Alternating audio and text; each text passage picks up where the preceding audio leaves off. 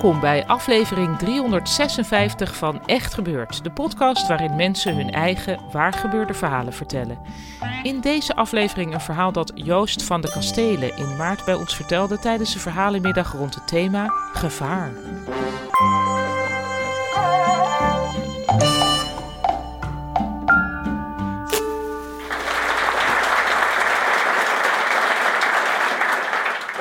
Dus, ik was aan het wandelen in Brussel, waar ik eh, woon. En ik word aangesproken. Eh, niet omdat ik beroemd ben, maar door eh, iemand met zo'n clipboard. Die dus lidgeld vroeg voor, ja, je kent het, UNICEF of dokters duwen daklozen of zoiets, ik weet niet. En, en, en vaak is dan in Brussel uh, de beste manier om die te ontwijken, want meestal sta je daar met je handen vol boodschappen, dus het is heel ongeloofwaardig om te zeggen van ja, nee, ik heb geen geld op voorraad. Uh, de beste manier in Brussel oh, is om in het Nederlands uh, te antwoorden. Want ze kunnen alleen maar Frans. dus, dus, dus, dus, dus vaak zeggen ze dan bonjour en dan zeg ik, ah, zegt u maar. En dan geven ze het op. Uh, en dan is het uw schuld niet dat je niks gegeven hebt tegen kanker, want ja, uh, je had maar uh, Nederlands moeten studeren. In plaats van de geschiedenis bij als specialiteit maandagen. Maar deze keer was het iemand die niet wou opgeven. Dus hij zegt bonjour. Ik zeg ja, tuurlijk, zeg maar. en, en hij begint in het Engels.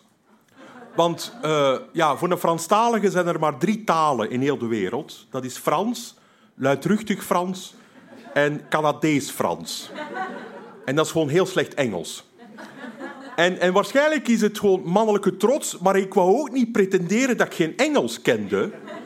Dus ik begin in het Engels terug, en omdat ik alleen maar naar YouTube kijk, begin ik in het Amerikaans-Engels. Dus, dus ik begin dan te discussiëren in het Amerikaans. En ik wist dus niet dat achter mij uh, was er een bedelaar. En het was bloedheet die dag. Een bedelaar met ontbloot bovenlijf en, en harig. En je kent dat soort mannen, van die corpulente, harige mannen, die, die lijken dan van die, van die harige vleugels te hebben uh, op, een, op een rug. Alsof het een soort engel was die uit de hemel was neergestort. En uh, die hoorde mij dus uh, Engels, Amerikaans-Engels praten. En in, in zijn verwarde kop kwam hij tot de enige logische conclusie, namelijk dat ik, deze blanke man met krullen, dat ik dus Barack Obama was.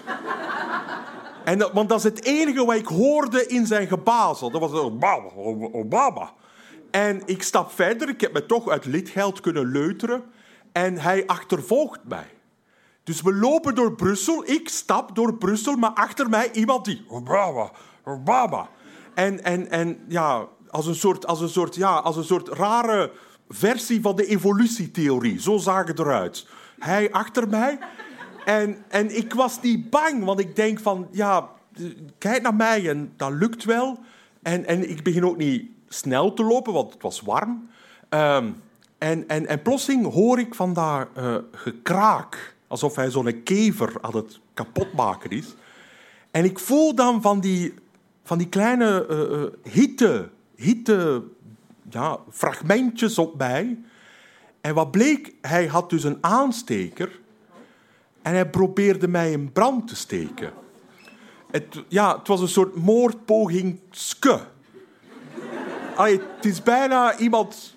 Het is bijna iemand proberen te vermoorden met een tandenstoker. Zo, zo, zo voelde het. En dus zo lopen we verder door Brussel. Maar hij dus, Obama, Obama, die mij in brand probeert te steken. Het was al super warm, dus, dus het was onnodig, de aansteker. Uh, en ik loop verder, ik weet dus ook niet, wat moet ik nu doen? Moet ik nu naar de politie en zeggen van, help, er, is, er zit een gat in mijn trui? Ja, het is... Dus we, we lopen verder en, en, en ook, ik denk, goh, het is op zich misschien een goede anekdote. Ik ga zo ben ik dan als schrijver. Uh, ik ga een boekenwinkel binnen. En ik denk in mijn kop, wat kan ik nu doen uh, om dus hem te kunnen pareren? Misschien moet ik een fotoboek kopen. Want die is zwaar. Da dan kan ik misschien hem neerslaan met een fotoboek. En ik sta binnen in zo'n zo een chique, chique boekenwinkel. Hij niet, zo slim is hij dan. Uh, hij staat, niet, hij staat buiten op mij te wachten en ik kijk en dat is 60 euro. En ik vind dat veel voor een wapen. En ik denk, ja, dan, stel dat ik het heb, dan sla ik hem. Dan sla ik hem en dan moet ik terug. En dan, ben ik, dan heb ik dus mijn mediamarktzakje en een fotoboek van 60 euro. En dan sleuren. Dus ik, eh, ja, en nu, dus ik denk, ja, laat maar. Dus ik ga terug naar buiten. En ja, die achtervolgt mij terug. Dus ik ben wat in de war. En het enige, het enige dat ik kan verzinnen qua veiligheid uh, is de metro. Want in Brussel, net zoals uh, hier in, in, in Amsterdam, uh, hebben ze van die poortjes. En, en, en in Brussel staat er dan vaak, voorbij deze rode lijn bent u in beveiligde zone. Dus ik denk, ah, ik moet in beveiligde zone geraken.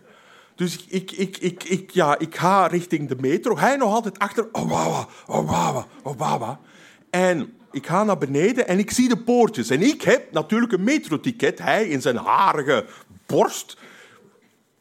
Ik betwijfel, ik betwijfel dat hij daar een tienrietenkaart had zitten. In, in dat. Dus ik, ik scan en, dat, en dat, dat poortje is zo onwillig. Zo onwillig traag open aan het gaan. En ik, ga, en ik stoot mij en hij glipt mee met mij.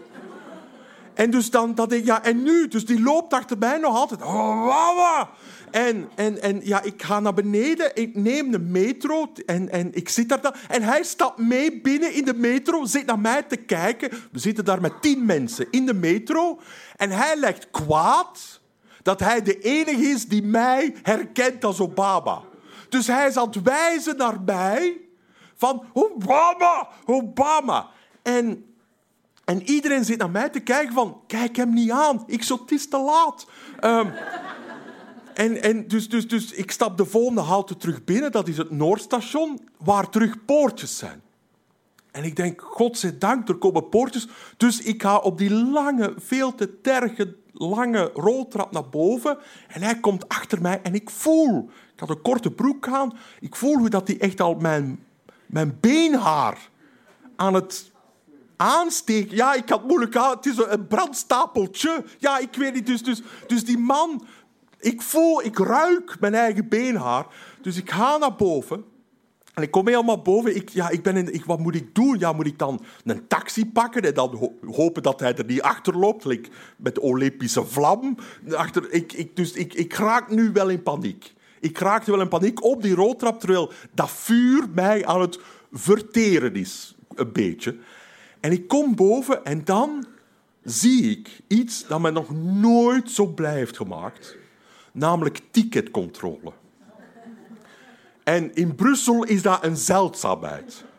En ik ben nog nooit, sinds de uitvinding van de metro, is nog nooit iemand zo blij geweest met controle. Dus ik stap en ik haal triomfantelijk mijn ticket boven en ik leg het op de sensor en ik mag naar buiten. En hij wil terug meeglippen. En hij wordt tegengehouden en hij begint te roepen Obama, Obama. En hij begint te wijzen alsof te zeggen van... Man, het is niet omdat ik u probeer te vermoorden dat je mij niet kunt helpen. En hij begint dus iemand van die controleurs te bijten. En ik stap verder en het laatste, het laatste wat ik hoor is dat hij begint te krijsen en iets van help begint te roepen.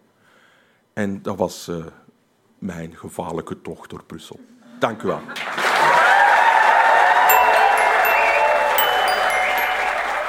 Je hoorde een verhaal van Joost van de Kastelen. En als je meer verhalen van Joost wil, dan kun je die lezen in zijn boeken, want hij is schrijver. Zijn laatste roman is getiteld Verlos ons van het kwaad. Heb jij ook een mooi waargebeurd verhaal dat je bij ons in Toemler wilt vertellen? Geef je dan als verteller op via onze geheel vernieuwde website www.echtgebeurd.net. Voor 19 juni zijn we nog op zoek naar verhalen bij het thema Over de Grens. En dat kunnen dus verhalen zijn die zich in het buitenland afspelen, maar ook verhalen waarin er iemand, bijvoorbeeld jijzelf, in de spreekwoordelijke zin over een grens ging. Als je verhaal door de selectie komt, word je op weg naar het podium begeleid door een van onze redacteuren. En de Echt Gebeurd redactie bestaat uit Micha Wertheim, Bijke Aarts, Maarten Westveen, Renette Kwakkenbos, Tom van Rooyen en mijzelf, Paulien Cornelissen. De productie doet Hanna Ebbingen, de zaaltechniek was in handen van Jasper van Oorschot en de podcast wordt gemaakt door Gijsbert van der Wal. Dit was aflevering 356. Bedankt voor het luisteren en bedenk, Spreek Nederlands als je geen zin hebt in een gesprek.